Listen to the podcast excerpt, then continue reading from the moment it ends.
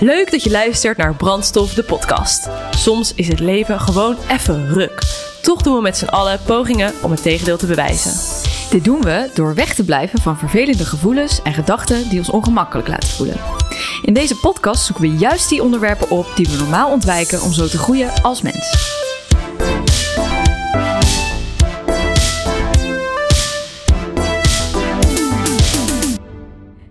Allemaal, leuk dat je weer luistert naar de kerstverse nieuwe aflevering van Brandstof, de podcast. Ehm, wij zitten hier nu in de allernieuwste eh, studio van Geuren en Kleuren. Hmm, in locatie Oost. Bij Lokaal Lokaal, oud schoolgebouw. Super vet. We zitten in een conciërge met allemaal glas. Het ziet er echt mega cool uit. Misschien hebben jullie het al voorbij zien komen op onze Insta. Wij voelen ons helemaal thuis, want dit was natuurlijk vroeger... De, de, de Vissenkom noemden ze dat bij mij uh, op school. Waar je dus ook je briefje moest halen als je te laat was en zo. Dus, uh, dat heb ik zo vaak moeten doen. ja, ik meid dat ik was. dus uh, wij zitten in de Vissenkom. Ja. Um, ja, en vandaag gaan we het weer wederom hebben over een heel mooi onderwerp. Ja, zeker. Ja, absoluut. Uh, nou, we namen natuurlijk al eerder een aflevering op over omgaan met tegenslagen en uh, de kracht van reflectie. En nou, je zou nu kunnen denken van ja, uh, Romy en Annemijn, wat hebben jullie nou eigenlijk echt meegemaakt? Nou, het is niet dat wij niks meemaken wat pijnlijk of vervelend is, maar relativeren kennen we. En ja, want wat voor de een een mega tegenslag is of zelfs traumatisch, dan is dit voor de ander uh, wellicht helemaal niet zo. Mhm. En um, nou, in de podcast die we natuurlijk ook met Peter Pannenkoek hebben opgenomen, hoor je daar ook meer over. Ja, we namen dus al een eerder uh, afleveringen op over uh, relativeren en over tegenslagen. Uh, maar dat mindset en relativeren key zijn voor een uh, gelukkig leven, dat wordt vooral bewezen door mensen die midden in de duisternis nog licht kunnen vinden. Uh, en Nienke Loeven, medeoprichter van Door naar Kanker, waar ze ook traint en coacht, die schuift vandaag bij ons aan om haar inspirerende verhaal te doen. Um, zij kreeg namelijk in 2014 te horen dat ze kanker had en is inmiddels gelukkig fysiek genezen en mentaal sterker dan ooit. Nou, superleuk dat je er bent vandaag. Uh, voor alle luisteraars, wij kennen elkaar omdat je een goede vriendin bent van mijn schoonmoeder, Judith. Die is hier nu ook. Heel leuk. Um, ja, welkom. Welkom. Ja, dankjewel. Ik heb er zin in. Ja, nou wij ook. Um, ja, waar ik mee wil beginnen, en uh, ik ken jou natuurlijk al een tijdje, um, dat ik vind dat jouw enthousiasme en positiviteit de hele ruimte kunnen vullen. En uh, de, dat vind ik gewoon heel mooi om te zien. En dat was een van de redenen uh, dat ik laatst met Annemijn erover had van, nou, wij moeten jou over dit onderwerp uitnodigen. We hebben het al eerder gehad over relativeren, um, over omgaan met tegenslagen. En ik, nou ja, we hebben soms het idee dat, dat mensen bij ons misschien zoiets hebben van, nou ja, wat hebben jullie eigenlijk nou meegemaakt? Al is dat natuurlijk super subjectief want ieder mens maakt dingen mee. Um, maar ik vond jouw verhaal zo inspirerend. Dus uh, vandaar dat ik dacht, uh, ja, ik nodig je uit. En nou, hier ben je. Nou ja, inderdaad. Ja. Leuk. Ja, um, ja, misschien voor onze luisteraars. Um, ja, mooi om de eerste vraag om mee te beginnen. Kun je ons dus meenemen terug in de tijd naar de fase voordat je de diagnose kreeg? Hoe was jouw leven toen? Ja, nou, ik was op dat moment 39 jaar. Um, dat is nu zeven jaar geleden. En ik werkte toen als uh, office manager bij een projectmanagementbureau waar ik team aanstuurde. En ik had een baan in de HR. Nog steeds overigens. En ik had een druk bestaan. Ik leefde, uh, of ik werk, ik sportte drie of vier keer in de week. Uh, liefst nog vijf keer in de week. Twee jonge kinderen van uh, acht en negen jaar. Um, een druk sociaal leven met vrienden en vriendinnen en familie. Uh, dus ik was altijd bezig en altijd druk. Een mm. beetje zeg maar hoe mijn leven er toen uitzag. Ja. En alles ging voor de zon. Echt ook, ik noem mezelf ook wel echt een zondagskind. geen heftige ervaringen meegemaakt. maar misschien ook omdat mijn glas altijd half vol is van nature. Dat, dat was altijd al zo. Ja, ja. dus mm. altijd probeer altijd de positieve kant sowieso in te zien van iets wat misschien wat minder leuk is. Hmm. Dus, uh... En want um, je zei op je 39ste toen kwam het omslagpunt? Ja, uh, zomaar op een uh, avond, voordat, voordat, ik naar bed ging, stond ik eigenlijk voor de spiegel. En um, ik voelde een, ja, aan mijn borst. Nou, waarom, weet ik niet, maar dat deed ik. En ik voelde ineens een knobbeltje. En op dat moment ging ik ook echt ongerust naar bed. Ehm, Mhm. Ik denk dat het al iets intuïtiefs is geweest. Ehm, ni- niks tegen Ruud, tegen mijn vriend of man gezegd. En onrustig geslapen en de volgende ochtend tegen Ruud gezegd... Goh, voel eens, wat voel jij? Maar ik sportte zoveel, dus ik dacht... Ah joh, dat is een spiertje, een beetje verrekt. Of... Eh, dus ik ben wel die dag, eh, heb ik de huisarts gebeld. Ik ben daar meteen naartoe gegaan. De huisarts die voelde ook iets. En eh zei, nou, laat gewoon even voor de zekerheid checken in het ziekenhuis. En ik weet nog dat ik met het verwijsformulier op de oprit voor de huisarts eh, zat met, in de auto. En dat ik dacht, dit telefoontje in het ziekenhuis kan nog wel eens bepalend zijn voor de rest van mijn leven. Dat is zo'n bewust moment. Mhm. Dus nou, ik belde naar het ziekenhuis en daar kon ik eigenlijk ook eh, de volgende dag gelukkig terecht. Ehm, en eh, ja, die volgende dag eh, een mammografie gekregen. Daar bleken ze iets op te zien. En zei ze willen graag een biop nemen. En eh, toen vroeg ik wel Ruud ook meteen binnen. En toen zei ik al tegen Ruud, dit is niet goed. Weet je wel, Mhm. met zo heel zachtjes. Eh, en toen, nou ja, op de eh biopt eh, was genomen. En die middag zat ik eigenlijk ook al gelijk op de afdeling oncologie. En kreeg ik serieus al protheses in mijn hand geduwd. Ja. Eh, want, ehm, ja, dus, en het was echt zo'n ja, overweldigend allemaal wat er toen gebeurde. En ja, dan ga je die week in dat je afwacht. ehm, ja, wat is er aan de hand? Hè, wel niet. En toen dacht ik, ja, ik doe nooit mee met de griep. Ik heb nooit, ben nooit verkouden. Ehm er is gewoon niks aan de hand. Dat, dat dus heel erg tussen vrees en hoop. Dus die positieve mindset van mij, die probeerde steeds wel eh, alles op te lossen op dat Hmm. moment. Ja, toen kwamen dus een eh, week later. Die week vond ik echt heel erg zwaar. Die, eh, ik was, er was heel veel angst ook. Eh, dus ik zat in de wachtkamer. En de oncoloog, die liep, of de chirurg was het op dat moment nog, die liep ongelooflijk uit. Ik moest een uur wachten.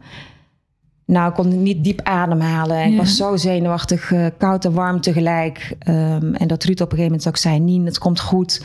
En dacht ik: Ja, wat heb ik aan jouw woorden? Maar ik lief dat je het zegt. Maar ehm, zo ontzettend spannend. Ehm, en ook dat ik op een gegeven moment probeerde rond te kijken. Ja, wat voor mensen zitten hier in de wachtkamer? Eh, allemaal met haar. Dat vond ik al. Dus ik denk, oké, we zitten toch bij on- oncologie. Dat weet ik allemaal nog zo eh, goed. Nou, uiteindelijk, ons nummer kwam in beeld. En we mochten toen dan naar de chirurg lopen. En ehm, ja, dat is ook zo'n heel, heel bewust moment dat jij door die, de- ja, dat ik dus door die gang liep. En dat ik dacht, ja, de, eh, de chirurg weet gewoon mijn uitslag al. Ja. Ja. Nou, toen mochten we daar eh, plaatsnemen. En ze zei, ik zal maar meteen het eh, verlossende antwoord eh, geven. Het is goed. Wauw, man, echt. 30 kilo lichter. Ik dacht, ja, zie je nou wel. Oh. Ik eh, ben, er is gewoon niks aan de hand. Want ik ben ook inderdaad eh, gewoon super gezond. Dus toen zei ze, er was bij de biopt, moet ik zeggen, was er iets fout gegaan. Ze hadden één goede biopt kunnen nemen. Ze neemden normaal drie. En toen hadden ze zoiets van, eh, we willen in het ziekenhuis gewoon 100% zekerheid. We stellen voor dat je eh, nu eerst lekker kerst en oud en nieuw gaat vieren. En dat je later terugkomt ehm, om een tweede biop te nemen. We willen 100% zekerheid. Nou, prima, weet je wel. Dus we liepen door de gang terug naar de, auto. En ik zei tegen Ruud... ehm, oh, echt, ik was helemaal blij natuurlijk. En Liris en hij zei... Nien, hou er rekening mee... dat je dus bij die 5% kan zitten. Ja. De. Ik zei echt, jeetje, Ruud, doe eens eventjes positief, man. Maar Ruud is gewoon heel erg realistisch. Maar dat wilde ik gewoon ook helemaal niet horen of zien. Nou, fantastische kerst gehad, kun je je voorstellen. En een hele fijne oud en nieuw. Eh, en eh, in het nieuwe jaar een biop laten nemen. Eh, zorgeloos weer in die wachtkamer plaatsgenomen. En weer bij de chirurg eh, komen te zitten. En toen zei ze, ik zal maar gelijk met de deur in huis vallen. Ik heb slecht nieuws voor je. Oh. Je hebt een kwaadaardige tumor. En toen werd de grond echt onder mijn voeten weggeslagen. Ik dacht, wat is dit? Wauw. Deze had ik niet aanzien komen.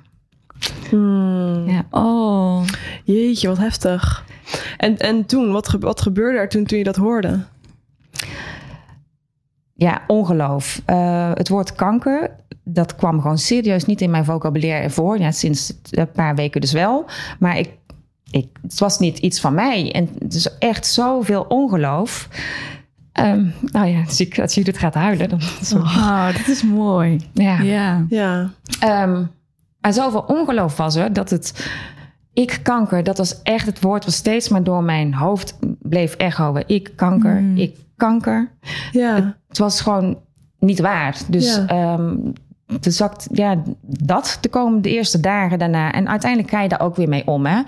Hm. En dan is het dus wel zo. En dan is het weer de volgende fase in. Want ja, hoe erg is het dan? Dus eh, dan ga je. eh, Toen had ik nog een eh, operatie om te kijken of ik uitzaaiingen had. Nou, er bleek een microcel-uitzaaiing te hebben in de lymfeklier. Hm. Dat is om weg te poetsen, zeiden ze. Dat, dat is minimaal. Daar hoef je er verder niet echt zorgen om te maken. En daarna heb ik eh, een operatie gehad. En dat eh, een borstamputatie. Hm. Ehm, maar ik vond het wel heel belangrijk dat ik ook meteen... Ik, ik dacht, ja, doe, ik ben 39. Ik wil ook nog gewoon in mijn bikini... eh, straks weer op het strand liggen. Ja. Eh, of zwembad. mindset ook. Ja, inderdaad. Dus eh, jullie gaan wel eventjes knetterhard je best doen om er iets moois van te maken. Dus ook naar de plastisch chirurg voor die tijd geweest. En ik kwam zelf eigenlijk met het voorstel... probeer mijn huid te houden en ook mijn tepel. En ja, de, de haalde de inhoud van mijn borst dan weg. Maar dat ik dan aan de buitenkant nog eh, er mooi uit blijf zien. Ja. Nou, dat kon gelukkig. Het is natuurlijk ook afhankelijk van waar de tumor zat, maar dat kon in mijn geval. Dus daardoor heb ik nooit heel erg het gevoel gehad dat er een, ja, zeg maar, toch wel een streep doorheen is gehaald. Ondanks dat ik natuurlijk ook wel een amputatie heb gehad. Maar dat was voor mij wel, ja, kon ik beter mee omgaan toen. Hm. Ehm, ja, daarvan herstellend eh, moest dan ook weer gekeken worden. Wat zijn weer de vervolg? Hè, moet, je, moet ik nog bestraling of chemo? Eh toen heb ik een mammaprint laten maken. Eh, dat onderzoeken ze eigenlijk het weefsel eh, op, ehm, ja, op hoe groot de kans is dat je eh, nog een keer zou, kanker zou kunnen krijgen. En daaruit kwam wel uit, nou ja, je moet wel, je hebt een hoog risico. Dus ehm, je hebt sowieso chemo nodig. Hm. Ja, en dat was ook echt een moment. Dat Ja. vond ik vreselijk dat Ja. ik dat hoorde. Ehm, omdat dat voor mij ook het moment was dat ik echt, echt ziek zou worden. Want iedereen zou aan, mijn, aan de buitenkant ook Ja. gaan zien dat ik ziek ben. Hè. Je zou je, en mijn haar verliezen, vond ik vreselijk. Ja. Dochter van acht vond het ook echt heel erg. Hm. Eh, dus dat was echt een hele heftige, ja, een hele heftige periode. Ja, waar ja. ik, eh, Want da- daar ben ik ook benieuwd naar. Hoe was dat dan voor, voor jou, ja, bij jou thuis? Hoe was dat Ja. voor jouw kinderen en voor jouw man? Ja, ehm, ja we, we hadden wel alle twee zoiets, Ruud en ik. We willen hier heel open naar de kinderen ook ja, mee omgaan. Ook vertellen wat er gewoon is. En natuurlijk hadden we ook wel relatief snel goed nieuws. Hè? Dus we konden ook zeggen, ja, we gaan een heftige tijd in. Maar mama gaat wel weer beter worden. Eh, dus elke keer als we vanuit het ziekenhuis kwamen... ehm, ja, vertelden we ook gewoon precies hoe het was. En dat was best wel ook even zoeken. Want wat kan een kind van ze- eh, acht en negen al wel en niet precies aan? Ja. Ehm, ja, het was een hele heftige periode en heel intens. En mijn ouders stonden elke keer meteen op de stoep ehm, als we een uitslag hadden. We hadden heel veel ja, warmte eh, en daar heb ik zoveel kracht uit gehaald. Mm. Eh, en ehm, het ook aangaan. En Ruud is heel eh, ration- rationeel. Of- En die kon mij ook steeds weer op de grond zetten. Oké, we gaan het stap voor stap doen. En eh, ik ja, kon nog wel eens wegschieten en met name in angst. En met name toen ik hoorde dat ik aan de chemo moest, denk ik, wat hangt er boven mijn hoofd? Ja. Dat vond ik echt vreselijk. ja. Ja. Ja. Ja, en ik denk dat dat sowieso waar Annemijn en ik het ook wel vaker over hebben gehad. Vaak is het het niet weten, dat vinden we vaak, dat vindt onze mind heel moeilijk. Ja. Eh, dus als je dan uiteindelijk een, een verlossend antwoord krijgt, ook al is het heel negatief en zwaar, dan is dat soms nog bij- bijna fijner dan Ja. het in het gewisse blijven, zeg maar. Ja, dus dat ja. kan me wel ik voorstellen. wist het allemaal. Hè? hè. Dus mens vreest het meest om de angst die hij heeft. En ik wist het allemaal wel. Maar ik was denk ik in die tijd zo hard positief aan het denken. Hm. Ehm, ik zei het straks nog tegen Judith. Ehm, ik ging ook het, het lot tarten, hè, een beetje. Dan, ik ging nog een week voordat ik wist of ik eh, nog, nog niet wist of ik wel of geen chemo moest, ging ik gewoon weer naar de kapper om haar te blonderen. Ja. ik denk, nou, als ik het eenmaal geblondeerd heb, dan. Ja, Eh, ja, ja, ja, een hele goede vriendin van mij, ehm, die ik al eventjes niet eh, had gezien, omdat ze wat verder weg woonde, die belde mij ineens dat ze ook borstkanker heeft. Ja, super heftig.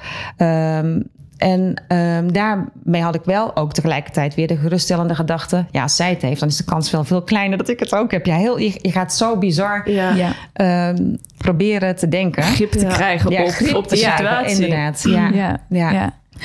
ja. en, en ik vind het ook wel mooi wat je zegt over dat je zo positief aan het denken was. Ehm, daar hebben we het eerder ook wel eens over gehad. Dat als je dus relativeert als mens, ehm, ja, je kan het op verschillende manieren doen. Echt relativeren is volgens mij, eh, er gebeurt iets, je doorleeft alle emoties die erbij Mhm. horen. Eh, en dan daarna kun je het loslaten en kun je, daar, kun je dat een plek geven door op een bepaalde manier naar te kijken. Maar wat er volgens mij veel vaker gebeurt, Mhm. en daar kan ik ook heel goed, is dat het eigenlijk een manier is om, om de moeilijke dingen niet aan te gaan. Om het te en, dan, omzeilen. en dan wordt positief zijn, eh, ja, is- Ja. ja dat, dat is gewoon eigenlijk een soort bliksemafleider Ja. van waar het echt om gaat. Herken jij dat in jezelf? Ja, heel erg. Ja. Ehm, sorry, want het moment in eh, dat ik dus wist dat ik chemo moest, dacht dat was recht voor carnaval. Na carnaval zat er ook, eh, omdat ik net die operatie had gehad, zat er even niet in dit jaar en mijn, ja, mijn hoofd stond er ook niet naar. Dus we dachten, we gaan nog even lekker een paar dagen uitwaaien aan zee. De ouders van Ruud hadden daar toevallig een huisje gehuurd en er was plek genoeg, dus wij gingen daarheen. Eh, lekker ook voor de kinderen dachten we positieve energie opdoen en wat kracht opdoen om die chemo in te gaan. Ehm, ondertussen was ik eh, echt alleen maar spanning aan het opbouwen en, een, en angst. Aan het, er was zoveel angst, maar die mocht er niet zijn. Daar was ik dus zo tegen aan het vechten. En, maar ik kon dus niet diep ademhalen. Dus elke keer... En dan dat je geen voldane ademhaling kreeg. En dan weer, oké, rustig aan, Inke, rustig aan. Dus constant was ik in het gevecht met mezelf van... Ja. ehm, Dat de Probeer. spanning er niet mocht zijn. Nee, probeer maar rustig. De angst gaat je niet helpen. Maar die was er wel, maar die duwde ik zo hard weg. Ja. Eh, dus op een ochtend gingen we lekker eh, het strand op. En het prachtig weer hadden we. Ik genoot ook echt. En, ehm, maar ondertussen was het steeds, oké Nienke, dit kun je, dit kun je. Dus die bleef, constant bleef die angst eh, aankloppen. Ja. En toen kwam Floor op een gegeven moment naast me lopen. En zei ze, oh, gaan we dadelijk even lekker lunchen? Ja, tuurlijk gaan we lekker lunchen. Dus we gingen de strandtent eh, naar binnen. En van koud naar warm. Dus ik kreeg een enorme klap in mijn gezicht eigenlijk van de warmte. Ik was niet helemaal hersteld van de operatie... waar ik wat ja, suikerschommelingen had. Dus op tijd moest eten. En ik ga daar zitten en ik dacht, ik moet nu iets eten. Ja, dat was er natuurlijk niet. En weer, oké, Nienke, rustig aan. En weer, ja, probeer te gronden. En yoga oefeningen, weet ik veel wat ik allemaal deed. Ja. En ehm, eh, ineens schiet ik in echt volledig in angst. En ik kan nog net uitbrengen, bel maar 112, want ik ga dood. Ja. Ik dacht echt, nu is het klaar. En mijn handen gingen helemaal verkrampt staan. En kreeg ze niet meer recht. En eh, eh, de, de- mijn schoonvader zat naast me en hij zei... rustig maar Nienke, je hoeft, 112 hoeft helemaal niet te komen. Er is niets aan de hand. En die bleef maar over mijn hand aaien. En nou, die deed zo'n pijn. En Floor die naast me zat, mijn dochter, die zei... rustig maar mama, is allemaal goed. En ik denk, jeetje, een dochter van de 18, mij moet troosten. Ehm, ik was zo bang. Ik, het is zo irreali- irrealistisch, of hoe zeg je dat? Reële angst. Irre- ja. dat ik wist, ik snapte gewoon niet. ehm, je weet dat je het niet moet doen en het gebeurt. Het angst die nam compleet bezit van mij. En nou ja, moest ik dus dat restaurant uit zien te komen. En toen moest ik vanuit het restaurant, eh, zat ik uiteindelijk buiten op een, eh, een bankje. En toen moest ik van het bankje nog naar de auto. Nou, echt een hel. Gewoon Ja. bizar. Ja. Eh, dus uiteindelijk in het huisje beland en ik lag daar weer veilig in bed. En toen zei Ruud, we gaan nu onze spullen pakken. We gaan naar huis.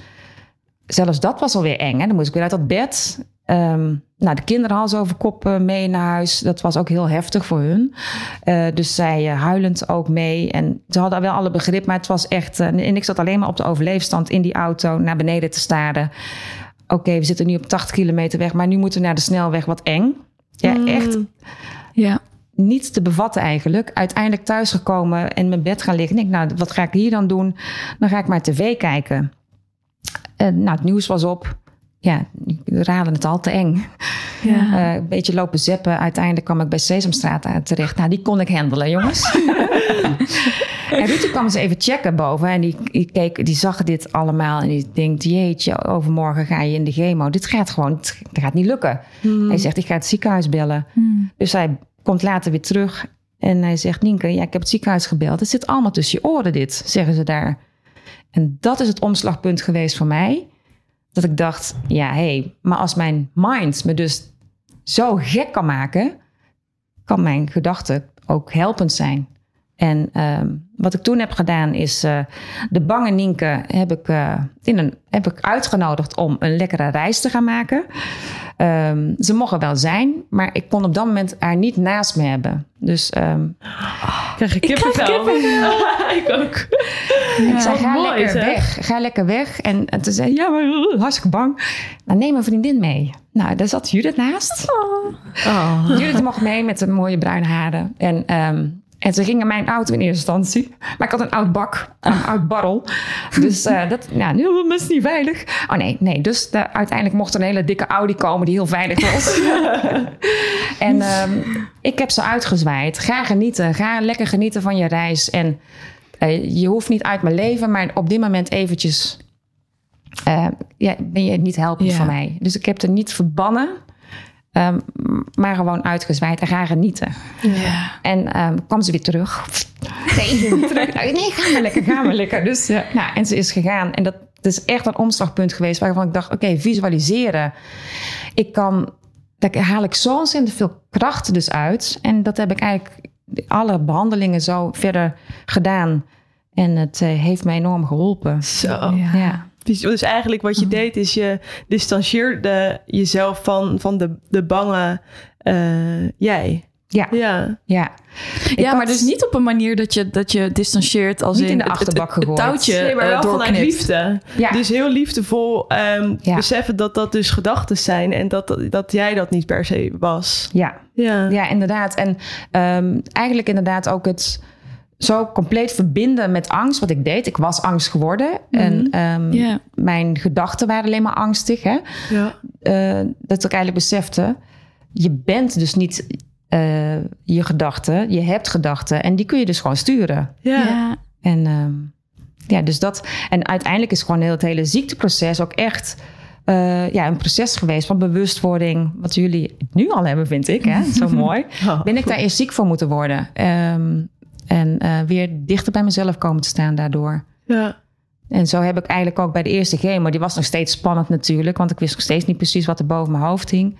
Maar ik durfde hem wel weer echt aan. En die kant die ik in me had van... Nien, dit kun je... die voelde ik ook weer veel echt ja, dieper in mijn lijf.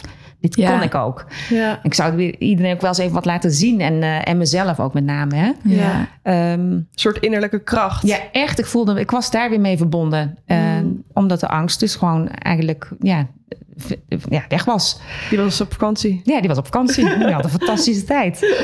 En um, eerste moment dus ook dat ik uh, het infuus inkreeg met, uh, met uh, de chemo. Um, toen had ik weer een nieuwe visualisatie bedacht.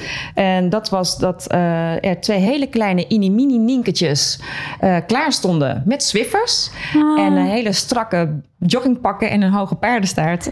en um, met um, ja, energie die niet op zou kunnen gaan. Die spetterden van de energie en die hadden er ook zo ontzettend veel zin in om dit te gaan fixen. Uh, dat het moment dat zeg maar de chemo ging lopen, dat zij alle slechte cellen gingen ze weg poetsen. En uh, de gezonde cellen, heel belangrijk, die gingen ze beschermen. Ja. En uh, ja, dit heeft me zo ontzettend geholpen. Ik had destijds uh, nog de kuur die in één keer werd gegeven. Nu wordt die voor borstkanker verdeeld. Mm. Omdat die eigenlijk ook wel ja, te zwaar is voor het lijf. Mm. Bij mij werden de chemo's gewoon echt steeds minder zwaar. Mm. En ik geloof, ja, ik ben er gewoon van overtuigd dat het mede komt door de kracht die ik hierin had in positief denken. Ja. Dat mijn mijn lijf dat ook ging geloven, zeg maar. Dus ja. het is echt samenwerking geweest van hoofd en lijf. Ja, ja, ja. ja. Want bijvoorbeeld die visualisaties, ben je daar zelf op gekomen? Was het een soort van dat je dacht, dat moet ik doen? Of heb je daar begeleiding in gekregen? Nee, dit is echt wat, wat dus nou ja, intuïtief opkwam.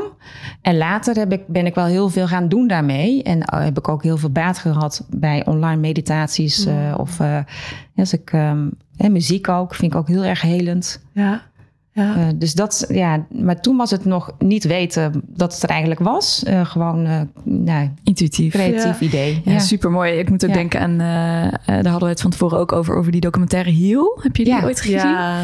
Over inderdaad hoe, um, hoe je met je mind en gedachten en meditatie je lichaam kan helen. Ja, ja je gedachten zijn natuurlijk energie. Ja. En je kan dat zelf sturen. Ja. Ja, dat is natuurlijk waanzinnig eigenlijk dat dat kan. Ja, ja, ja, mooi hè? Ja, ik vind dat echt heel tof. Ja. En is dat ook als je nu terugkijkt, um, ja, de, de westerse uh, wetenschap uh, met, met chemo en, en, dat ze kunnen opereren, geweldig natuurlijk. Ja. Is er ook iets wat jij hebt gemist? In, want dit heb jij intuïtief uh, binnengehaald, maar ik kan me ook voorstellen dat als mensen nu luisteren die zelf kanker hebben, hebben gehad of iemand kennen of een andere ziekte daar wordt niet echt in begeleid. Of daar worden niet echt uitreikingen naar gedaan. Ja. Hè? Nee, jammer is dat. Um, niet iedereen staat er ook voor open natuurlijk. Nee. ehm, voor mij was het ook een zoektocht. Ik durfde ook in het begin niet heel erg over te praten. Ehm, want het wordt ook snel gezien als zweverig. En, Mm. Terwijl ik denk dat het juist helemaal niet is. Ehm, ja, jammer dat, dat in de westerse wereld kijken we vooral naar hoe kun je iets eh, met een pilletje oplossen. Hè, terwijl je dan niet naar de oorzaak gaat kijken. Waar komt het nu echt vandaan? Ehm, dat deed ik destijds ook nog helemaal niet. En nu kan ik stellen, als ik hoofdpijn heb, ik kan er niet meer naar kijken. Oké, ik heb hoofdpijn omdat mijn nek vastzit. Nee, dat komt wel ergens vandaan. Ja, ja, ja, ja, en ja. zo ook met borstkanker. Ja. Ja? Ja, ja, ik denk wel. Als ik nu terugkijk, eh, ik was alleen maar aan het leven eh, en, en vol druk en eh, ik had geen moment meer voor mezelf. En als je kijkt over het algemeen een beetje naar eh, mensen die borstkanker hebben. ehm, ik wil het niet natuurlijk allemaal over één kam scheren, maar ik heb er inmiddels best wel wat mensen ontmoet. Mhm. Ehm, die hebben de neiging om eh, alleen maar voor de ander te zorgen en zichzelf Weg te cijferen. ja, weg te cijferen. En dat Ja. deed ik ook. Ja. Dus, ehm, Hoe was dat dan voor jou dat je op een gegeven moment die realisatie kreeg? Was dat, ehm, nou, was dat soort van logisch en oké? Of merkte je bepaalde schuldgevoelens of zo? Het was wel af en toe een worsteling. Omdat ik dacht, heb ik nou, ben ik nou schuldig aan, Ja. aan dat ik nu ziek ben geworden? Maar zo kijk ik er. Dus dat was in het begin, het niet weten en zoeken. Maar later ben ik wel, ehm, ja, ben ik er wel echt anders naar gaan kijken. Ik kan er ook niks aan doen. Ik wist het, ik was onbewust. Dus je kan Ja. ook niet. eh, en als ik het nou nog een keer krijg, dan zal ik me dat niet kwalijk nemen. Maar mijn lijf wil wel een signaal afgeven en die willen me wel iets vertellen. Nou, dan is dat helaas dan door kanker gekomen. Had voor mij ook met een, eh, met een flinke, weet ik veel, eh, hoofdpijn of een gebroken been mogen zijn. Hè? Dat in je rug ja. schiet. Ja. Ja. Maar eh, blijkbaar was dit nodig. Ja. En misschien was ik ook wel op het ehm, de verkeerde route ingeslagen ergens. En ehm, ik wist ook heel snel, toen ik eh, ook wist dat ik wel beter zou worden, dacht ik, ja, ik wil mijn ervaring positief inzetten voor anderen. En dat is ook, eh, nou ja, eh, maak van je shit je hit, denk ik dan. Eh, Mooie uitspraak. Nice. ja, dus dat, Ja. Dat, dat, dat is gewoon helpend. Ehm, ehm, en ik, het heeft me zoveel moois gebracht ook. Ehm, alleen al weer terugkomen bij jezelf. Ja. Hoe prachtig. Nou, ik vind dit een super inspirerend verhaal. Want ik denk dat. ehm, ik geloof ook heel erg dat, dat je lichaam je dingen vertelt. Inderdaad, eh, of je het verkeerde pad bent ingeslagen. Of al is het maar inderdaad een kleine hoofdpijn. Van joh, wat, wat probeert mijn Ja. lichaam me nu op dit moment te vertellen? En dat is niet altijd even makkelijk misschien om daar je vinger op te leggen. Maar dat is wel. Je hebt eigenlijk de hele tijd een, een machine, je lichaam, Ja. die, die je helpt. Ja. Super bijzonder. Ja. Maar wat ik me nog wel afvraag, want ehm, vond je het lastig eh, om op een gegeven moment eh, met dat inzicht om die nieuwe versie van jezelf te zijn richting je omgeving? Het is een proces. Ik denk dat ik het. ehm, er gebeurde heel veel. Als ik ook in de chemoweek was ik wel veel eh, op bed. Niet om. Ja, ik was heel, heel katerig voelde ik me zeg maar alsof ik flink uit was geweest. Ja. Ehm, en ik vond het heel fijn om een beetje dan lekker met mijn eigen muziek en mijn eigen. En daar gebeurde ook heel veel. Ik kreeg een hele spirituele ehm, kant van mij. Die, daar kwam ik weer mee in verbinding. En ehm, dat hield ik dus in eerste instantie inderdaad voor mezelf. En dat is gewoon ook het proces geweest. En uiteindelijk, ehm, toen ben ik een coachopleiding gaan doen toen ik ook weer aan het reintegreren was. En ik heb een intuïtieve coachopleiding gedaan. Waarbij ook de ehm Oosterse invloeden, dus de meditatie en ehm, het lijf eh, veel meer eh, aan bod kwam. En dat het samenwerking eh, is en je lijf heeft iets te vertellen. Eh, ja, daar is weer een nieuwe wereld voor, voor me open gegaan. Dus het is eigenlijk een, een langzaam proces geworden. En voor, ja, voorzichtig ga je er wel over praten. En uiteindelijk, nou ja, nu durf ik er gewoon voor te staan. En iedereen mag vinden wat hij daarvan vindt natuurlijk. Maar Ja. dit is wat ik geloof. Ja. En ehm, Klinkt wel herkenbaar, Annemijn. Ja. Eh, met ons ook, eh, ook met deze hele podcast. Ehm, Ja. In het begin heel erg de, de onderwerpen voorzichtig uitgezocht. Van, oh, het moet niet te, te Oh, next ja. level zijn. Ja. En dat we nu heel erg we hebben het daar ook over gehad en dat we heel erg voelen van ja, maar uiteindelijk gaat het ook over uh, wat wij nou heel erg tof vinden. En we vinden het wel heel leuk om de, de vertaalslag heel nuchter te maken. Ja. Ja. Maar ja, ik vind spiritualiteit uh, of jezelf helen door middel van gedachten is niet zweverig. Dat is gewoon eigenlijk heel logisch hoe het allemaal werkt. Ja. Ja. Ehm, En het wordt, weet je, er zijn natuurlijk heel veel mensen die de wetenschap daarachter willen begrijpen om het te geloven. Eh, en ik, dat, nou ja, dat kan ik op, me op zich wel voorstellen. Ik heb dat zelf niet zo ervaren, maar omdat ik het ook voel dat het gewoon echt Ja. zo is. Maar ik kan me wel voorstellen als je niet weet hoe dat voelt, dat je dat dan wel wil.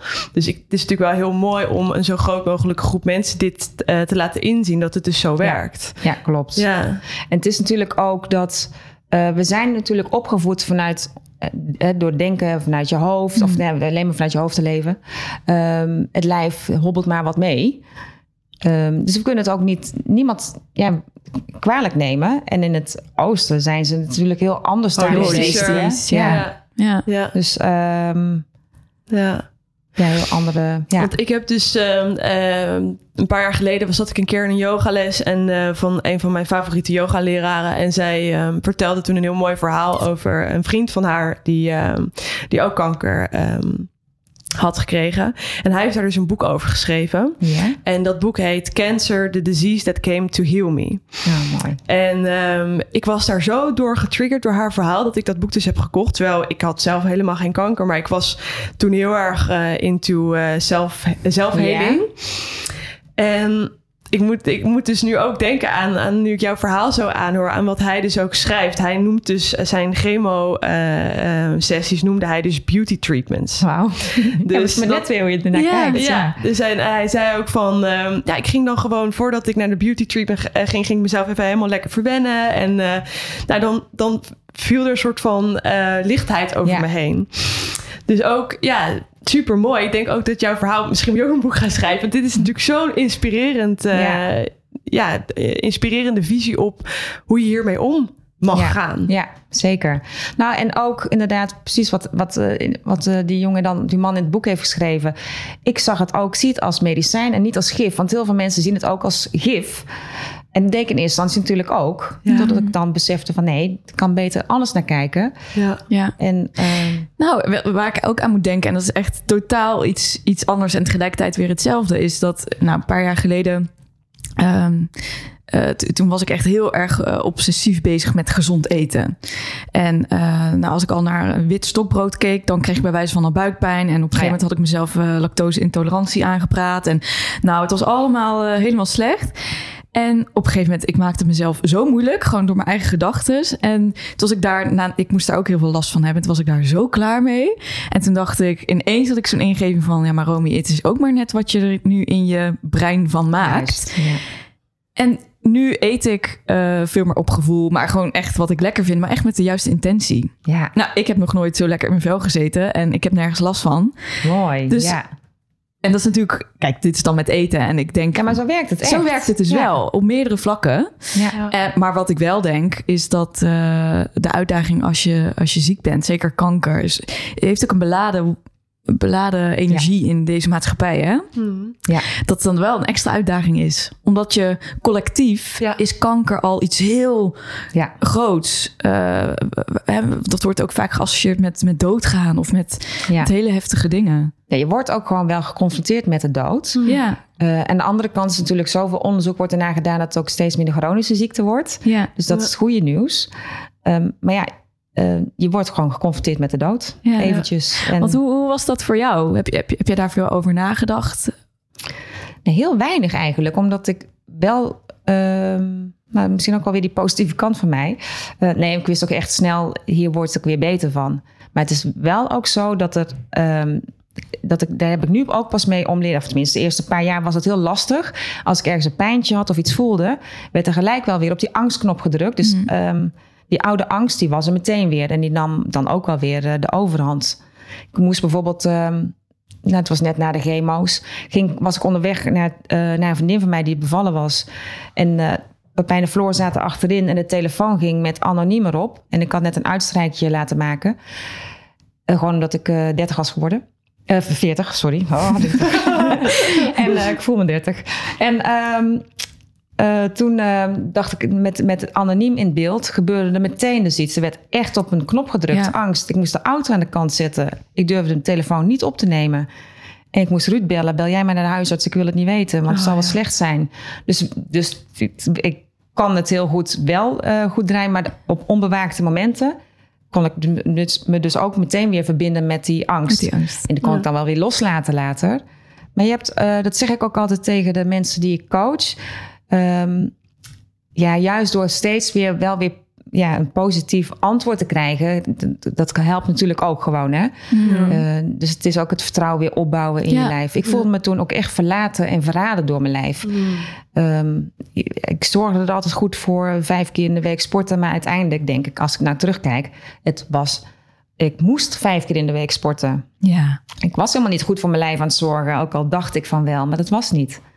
ja, dus goed zorgen voor je lijf eh, zit niet, eh, ook in wat ik net eh, vertelde, zit niet in Nee. ultra gezond eten en vijf keer in de week moeten sporten. maar Nee, veel meer veel te veel moeten bij jou in- waarschijnlijk. Ja, 100 procent. Ja, het Ja. was echt een soort. eh, als ik dit doe, als ik dit doe, dan kan ik ontspannen. Ja, dat, is, dat is niet ontspannen. Nee. Dat is geen ontspannen Nee. leven. Dat Ja. is heel. Ja, nee. En ik heb ook echt wel ervaren door... En volgens mij zitten jullie daar ook wel een beetje zo in... door juist de tijd voor jezelf te kunnen nemen. eh, die stiltemomenten.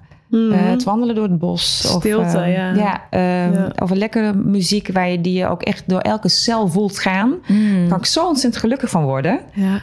En Ja. zo dankbaar ook. ook Ja. En dankbaar voor die, echt die kleine dingen. Ehm, die, dat was ik altijd al hoor. Maar ik kan ze nog intenser voelen. Hè, De Ja. lente, weer met die kleine mini, mini groene blaadjes. Daar word ik echt zo ontzettend blij van. Ja.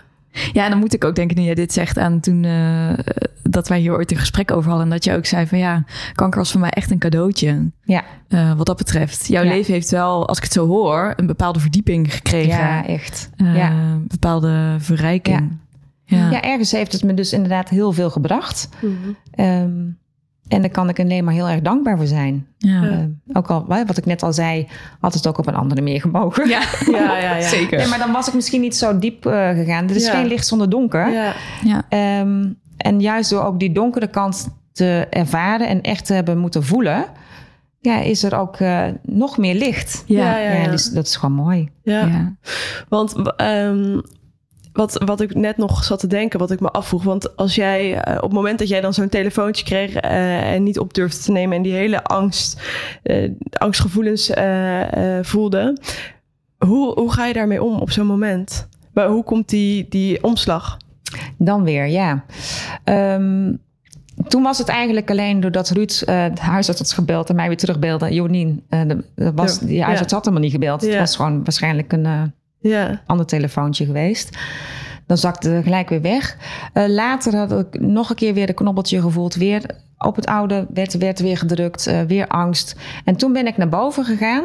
En eh, toen heb ik me wel verbonden met angst. Oké, heel nieuwsgierig. Wat is het nu echt? Is het nu angst of intuïtie? Want die twee, dat zijn natuurlijk hele... ja, die liggen heel Ja. dicht bij elkaar. Daar kun je jezelf gewoon mee verwarren. Mhm. Toen ben ik echt in een meditatie naar mijn angst toegegaan.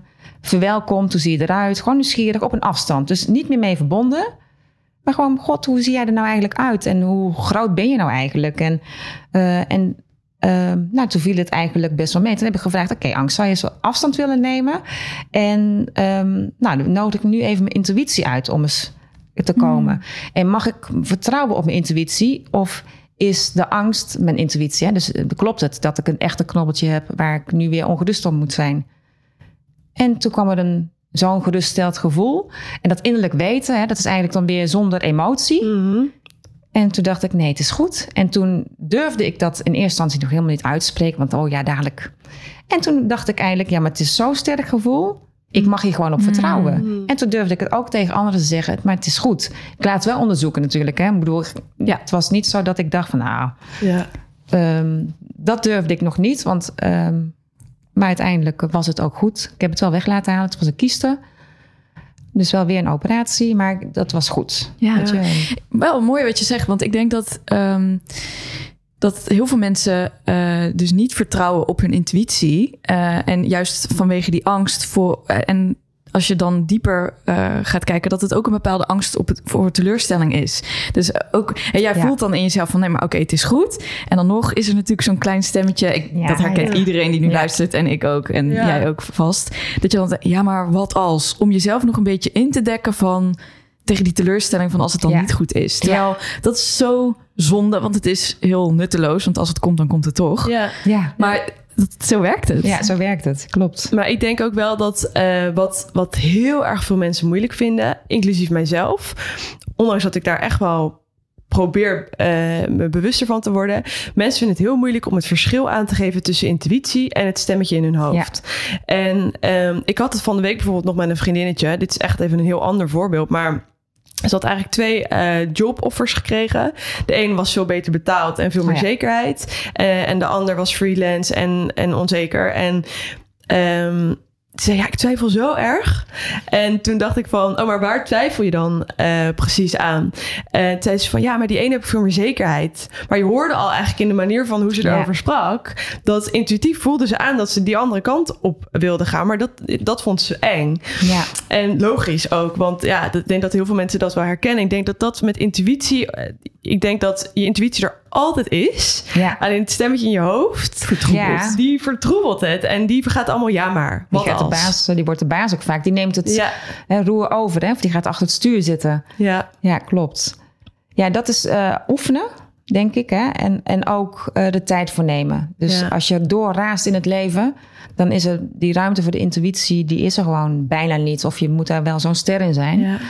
Ehm, maar ik geloof erin dat je door ruimte te nemen, wat voel ik nu echt? En wat ik vaak met coaches doe, is eh, de keuzes tussen twee dingen. Eh, leg maar eens twee papieren op de grond. eh, schrijf eh, keuze A of keuze B op. Of ga op een stoel zitten, die staat voor eh, baan A, baan B. En ga erop zitten en voel eens even. Ja. Dus neem gewoon de tijd, wat gaat er door je lijf heen? En ja. dan komen er gewoon de antwoorden. Ja. Ja. Ja, mooi. Mooi, heel mooi. Zeker. Wij, eh, eh, ik zit even te denken, wij hebben een eh, de paar afleveringen terug. eh, de, een aflevering overgenomen over de grote vragen des levens, bijvoorbeeld de zin van het leven. Ja. Mhm. Heb jij daar antwoorden op gevonden door jou, of een visie op? Ehm, de zin van het leven. Nou, voor mij, ik, geef maar gewoon even wat die voor mij betekent, is toch wel echt dicht bij jezelf mogen blijven. Ehm, en kijken waar ben ik van nature nu goed in, zeg maar. Ehm, ehm, als je hem dan nog wat, wat, wat zweverig of wat groter bent, Mag, waar, waarvoor ben ik op aarde hier? Eh, Ja. wat is mijn rol? Mhm. En nou, die zit heel dicht in jezelf en bij jezelf. En ehm, ja, als je dat doet, als je dat kunt, als je dus je eigen leven leidt en niet het leven waar de, hè, de ander van verwacht dat je leidt, ja, dan denk ik dat, dat je dat is thuiskomen bij jezelf. En dat is fantastisch. Ja. Mooi, Ja. heel mooi. Zit je nu op, helemaal op je pad, helemaal op koers voor je gevoel? Nou, ik heb ook mijn, natuurlijk mijn enorme uitdagingen daarin. Maar ik vind het fantastisch om te mogen leren. Ja. Ehm, met Door naar Kanker bijvoorbeeld zijn we ook echt gewoon gestart. En eh, nou, dat is met vallen en opstaan. Maar ik vind het dat, ja, Ja. hartstikke leuk om het op die manier te mogen doen. Ja. En ehm, ja, Ja, ik, wat misschien wel leuk voor de luisteraars om even wat meer te vertellen over wat je doet bij Door naar Kanker. Want ik vind dat heel mooi. ja. Ehm, nou ja, zoals ik zei, ik wilde heel graag mijn ervaring positief inzetten. En ehm, toen ben ik wel gaan zoeken van, oké, wil ik wel altijd met kanker geconfronteerd blijven en worden? En geassocieerd. Ja, eh, geassocieerd. En eh, toen ben ik eigenlijk eerst een, eh, als reintegratiecoach bij eh, een reintegratiebureau gaan starten voor mensen die, eh, die reintegreren naar kanker. Daar heb ik anderhalf jaar gewerkt. Naast mijn werk ook in de HR, dat ik ook nog dan doe. En ehm, toen bleek toch dat het zoveel administratief was. Dat was het niet precies. Maar wel het contact en, en ja, wat ik kon betekenen voor de coaches.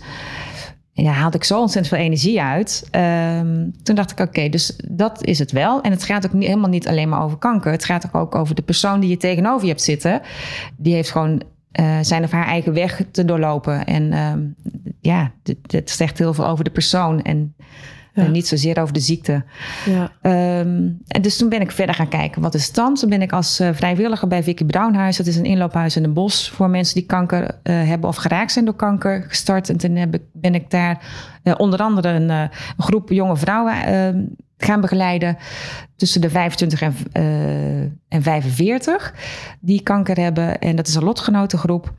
Hmm. En toen was ik me steeds aan het zoeken, wat, wat is het nu wel? Wat, en ehm, ehm, wat wil ik er nu echt mee gaan doen? En toen dacht ik ineens, ik, waar ik zelf heel veel baat bij heb gehad, is eh, Herstel en Balans. Dat werd destijds ook vanuit het ziekenhuis aangeboden. Dat is een programma waarbij je en weer gaat bouwen aan je conditie. En eh, ook eh, een aantal psychosociale gesprekken voeren in een groep. En toen dacht ik, dat is het, want dat is uit het... ja, dat wordt niet meer aangeboden, dus uit de verzekering gehaald. Mm. Ehm er was altijd een lange wachtlijst voor. En dat pakken mensen gewoon op mis. Want je bent in de eerste fase van de ziekte ben je aan het overleven. En dan komt er pas het moment, als je uitgezwaaid wordt door het ziekenhuis, dat je kan gaan bedenken, wat is er eigenlijk overkomen? Ehm, en dan ga je eigenlijk de draad van het leven oppakken en weet je nog niet hoe. Dus daarop ben ik eh, gaan nadenken, wat, wat, nou, dat wil ik gaan doen. Toen zat ik gewoon een keer met eh, vriendinnen lekker te lunchen. En toen zei een van mijn vriendinnen, Daphne, zei... Ik weet een mooie naam, Door. Door naar kanker. En denk, ja, dat is precies wat het ook is. Je moet de draad van het leven op zien te pakken. En ehm, dus daar ben ik eh, een, eh, een training voor gaan ontwikkelen. Samen met Lieke doe ik dat. Ja, haar heb ik ontmoet in het Vicky Brownhuis. En ehm, ja, we hebben nu groepstrainingen. Dus we geloven ook in de, in de kracht van de groep... door de herkenning en de erkenning die je daarin hebt. Hmm. Ehm, je hebt allemaal hetzelfde meegemaakt. Je kunt gelijk de diepte in. Nou ja, prachtig om het te mogen doen. Heel mooi. Dus eh, daarmee zit ik denk wel heel erg op, eh, op mijn goede eh, pad, inderdaad. ja. Ja. Ja. En ehm, heb je nu nog wel eens angst dat het terugkomt? Ehm, nou, heel veel minder. Ehm, nee, eigenlijk leef ik, kan ik zeggen dat ik niet in angst leef. Nee, Hm. nee, het is heel fijn. En als het zo is, dan zie ik dan weer. Weet je, ik ga niet meer Ja. wat dan als Ja. eh, Nee. Ja, mooi. proberen te doen. Ja. ja, ja. Want ben je ook anders over de dood gaan denken? Door alles wat je hebt meegemaakt? Ehm, nou, ehm, niet echt. Ik geloof, eh, dat wil ik heel graag geloven in ieder geval. Ik vind het af en toe lastig. maar dat er gewoon nog heel veel hierna is. Ehm, dat vind ik een hele fijne gedachte. En eh, soms gaat mijn hoofd er ook mee aan de haal. Die denkt, ja, maar goed, weet je, wat weet de wetenschap nu echt van je brein? Eh, daar is... eh, ehm, er vast ook een verklaring voor dat, er, eh, dat je zoveel soms weet, hè, of dat je binnenkrijgt, of dat je Hmm. eh, nog de energieën van anderen zou, dat zou ook misschien vanuit je brein kunnen. En dan denk ik, nee, ik vind het gewoon veel mooier om gewoon lekker te geloven en Ja. eh, dat er echt iets hierna nog is. En uh, Ja. uh, dus ik ben eigenlijk niet, zo dacht ik al, um, misschien wel iets meer bevestiging dat, het, dat ik dat ook gewoon lekker mag geloven. Zo. Ja. Dat geeft ook rust. Ja. Ja. Ja. ja. ja. Hoewel ik nog hoop dat ik nog heel lang ja. hier, hier uh, rond uh, mag, mag, lopen. lopen. Ja. ja. Veel nou, te mooi is. En daarover gesproken, waar sta je over vijf jaar? Mm. Over vijf jaar, nou ga ik ook lekker gewoon groots dromen. Ja, graag. Um, dan is uh, door naar kanker uh, in heel Nederland een begrip. Um, heb ik een boek geschreven. Uh, is ook al een wens. Ik heb destijds een dagboek bijgehouden. En um, nou ja, dat zou ik leuk vinden om nu eens gewoon terug te blikken wat het me heeft gebracht, zeg maar. Hmm. Um, en um, hoe ik er toen naar keek en hoe ik er nu, dan nu naar kijk. En dat zou misschien weer helpend kunnen zijn ja, voor anderen. Zeker, ja. En, dat denk uh, ik wel. Oh. En verder nog ook gewoon... Ik heb ook genoeg vrije tijd uh, over vijf jaar ook nog steeds. Dat vind ik ook heel belangrijk ja. voor gezin, ja. vrienden, familie. Ja, voor jezelf. Voor mezelf. Ja. het dan weer. Ja. Ja. Oh, ja mooi. mooi. Ja, want als we dan even kijken naar de, de titel van deze aflevering, hoe je vertrouwen houdt in, in bittere tijden.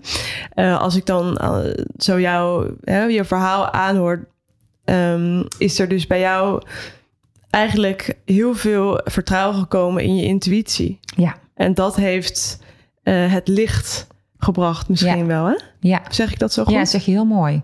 Ja, het is ook echt weer uh, terugkomen in de, de, samenwerking. Dus niet meer alleen van, vanuit mijn hoofd leven. Hmm. Ik zei altijd, ik ben hartstikke intuïtief. Nou, dat was ik vroeger als kind, denk ik. Maar dat, is, dat was ik echt verloren. Uh, en ja, nu weer dat, die verbinding te mogen hebben. Ja. Ja, ik vind het... Dat is echt een, gewoon een cadeau. Ja, ik kan er Ja. niks anders van maken. Een soort wake-up call Ja. van ehm, vergeet mij niet. Ja, maar ook Ja. echt dat je met elke cel mag voelen dat het... Ja, ik ben ook gewoon echt heel gelukkig. ja. En eh, ja, dat is Ja. gewoon mooi. Maar dus ook echt vooral gelukkig met mezelf eigenlijk ook, hè? ja. Dus dat, daar Ja. begint het misschien ook wel mee. Nou, dat geloof Ja, ik wel, ja. ja. En ik denk dat dat ook best wel moeilijk is. En misschien ook af en toe blijft. Als ik ook kijk naar mezelf. eh, maar ook bijvoorbeeld mijn moeder die dan eh, zie- ziek is geweest een tijdje. En daar gaat het gelukkig nu ook weer veel beter mee. Maar ook bij haar, hetzelfde verhaal. Meditatie, ehm, yoga, ehm, heel veel tijd alleen. ehm, schrijven, nou noem maar op. Gewoon allemaal middelen om weer te komen naar echt wie ze echt is. Ja, En ik herken ook heel erg in wat jij zegt, in ook mijn moeder, maar ook in mezelf. Dat, dat je gewoon ehm, jezelf wegcijfert. En dat je er heel erg bent voor anderen. Dat je verwachtingen hebt van hoe jij zou moeten doen tegenover andere mensen. ja. En ik denk dat stiekem heel veel mensen dat eh, herkennen en, en doen. En ehm, nou, ik zei dat toevallig nog tegen Romy, eh, wanneer was het, vorige week of zo, een quote die ik een keer heb eh, gelezen, twee weken geleden of zo, van Ramdas. Ehm, you can do nothing for me but work on yourself. I can do nothing for you but work on myself. Ah, en mooi. dat is echt zo. Want ehm, dat klinkt ergens egoïstisch. Maar ik denk juist als je echt gaat kiezen voor jezelf, dat je dan veel meer kan geven. Ja. Ja. Ja, dat zeg je echt goed. Oh, wat zijn jullie toch ook ja, mooie vrouwen. Nou, het is wel, ik bedoel, ik vind het zelf natuurlijk ook nog hartstikke lastig. Maar Ja. ik denk dat dat is juist zo universeel, dat heel Ik veel ook. mensen dat Ja. voelen. Maar het Ja. mooie is dat je daar met, denk ik ook... ehm, Tuurlijk heb je, behoud je je worstelingen en, Ja. en je valkuilen. En, maar als je daar dan weer veel milder naar mag kijken... of met- vanuit oprechte nieuwsgierigheid... Oh, van, Ja. of, of, joh, doe je het weer? Of, eh, of ja. Ik snap dat je dit spannend vindt. Hè? Dat kan ik ook tegen mezelf zeggen. Dat Ja. is ook, maar het is veel eerder daarmee oké. met Dus alle kanten in mij mogen er nu zijn. Terwijl er eerst misschien alleen de, de positieve Positieve, Nienke... die Ja. mogen Ja. alleen zijn. Ja. Ja. En nu is het gewoon veel meer alles. Ja, Ja. het omarmen ook Ja. van, van de angst en de mindere, tenminste tussen aanhalingstekens, Ja. mindere kanten Donkere. in jezelf. Ja, Ja. ja. Ja. Mooi. ja, mooi. Ik denk als eh, er is al veel besproken en ik denk al dat je onze luisteraars heel veel hebt meegegeven. Maar als, Ja. misschien als mooie laatste vraag, is er nog iets specifiek wat je onze luisteraars zou willen meegeven? Of is alles al gezegd? Volgens mij heb ik al heel veel gezegd, maar Ja. misschien in een kleine één zin. One-liner, ja, een- kom dicht bij jezelf. Ja. Ehm, daar is het ook, eh, Dat dekt Ja. de lading. ja, mooi. Ja. Ja. Ja. Ja. Blijf dicht bij jezelf. Hè? Of, en stel jezelf ook wel eens de vraag daarvoor, ehm, hoe gaat het met mij? Hm. En niet goed, en we gaan weer door. Nee, hoe Mm. gaat het nu echt, Echt. met mij? Ja. En, Ja. Mooi. Ja. Mooi. Heel mooi, echt. Ik denk dat dit heel inspirerend is voor heel veel mensen. Ik hoop Ehm, het. Ja, Ja, ik vind het in ieder geval heel ja ik inspirerend. ook. Ik vind het echt heel inspirerend. Ja. Dus dankjewel om hier dat, je, zijn. Ja. dat je voor het eerst ook in deze nieuwe studio. Fantastisch. Ehm, Hij is eh, ontmaagd bij deze. ja, hij is ontmaagd. Ja, dus eh, nee, super mooi dat je, dat je er wilde zijn. En Judith natuurlijk ook, die zit hier bij ons. ja, heel leuk. super mooi. Ook wel mooi, eh, soort van symbolisch, dat zij zo'n deel heeft uitgemaakt Ja. van jouw reis. En, en natuurlijk nog steeds als vriendin. Zeker. En er dan ook hier weer is. Ja. Ja, dat is eh ja. Ja. Ah. diepe Zoveel liefde. Ja, Ja. echt. Ja. Mooi. Ja, heel dankbaar voor. Ja. Ja. Nou, dankjewel. Nou, voor meer informatie over jou, hè, Nienke, ehm, kunnen de luisteraars eh, naar de website www.doornakanker.nu eh, of naar jouw Instagram en doornakanker. We gaan sowieso even alle linkjes in de show Ja. notes zetten. Hè? Ja. Top. En op Instagram eh, zullen we je ook delen. Ja, natuurlijk. Ehm, nou, thanks voor het luisteren weer, jongens. Superleuk. Eh als je vragen hebt, kan je die sowieso natuurlijk nog wel laten weten aan ons. Dan kunnen we ze eventueel nog aan jou eh, Ja, doorsturen. welkom. Ja hoor. En ehm, nou ja, sowieso eh, zijn we natuurlijk altijd mega blij als je ons vijf sterren geeft op Apple Podcast. Petje af. eh, ook heel welkom om daar eh, een eh petje af abootje te nemen. Ja. als financial support voor wat we doen. En dan ehm, Tot de volgende weer. tot de volgende keer. Yes. Doei! Doei! Wil jij als enige exclusief een vraag stellen aan ons of onze sprekers? Support ons dan via Petje Af en word voor 2,50 euro per maand een vriend van de show. Alleen deze mensen hebben de mogelijkheid om via een korte voice memo van 30 seconden een vraag in te sturen die we aan het eind van de show beantwoorden.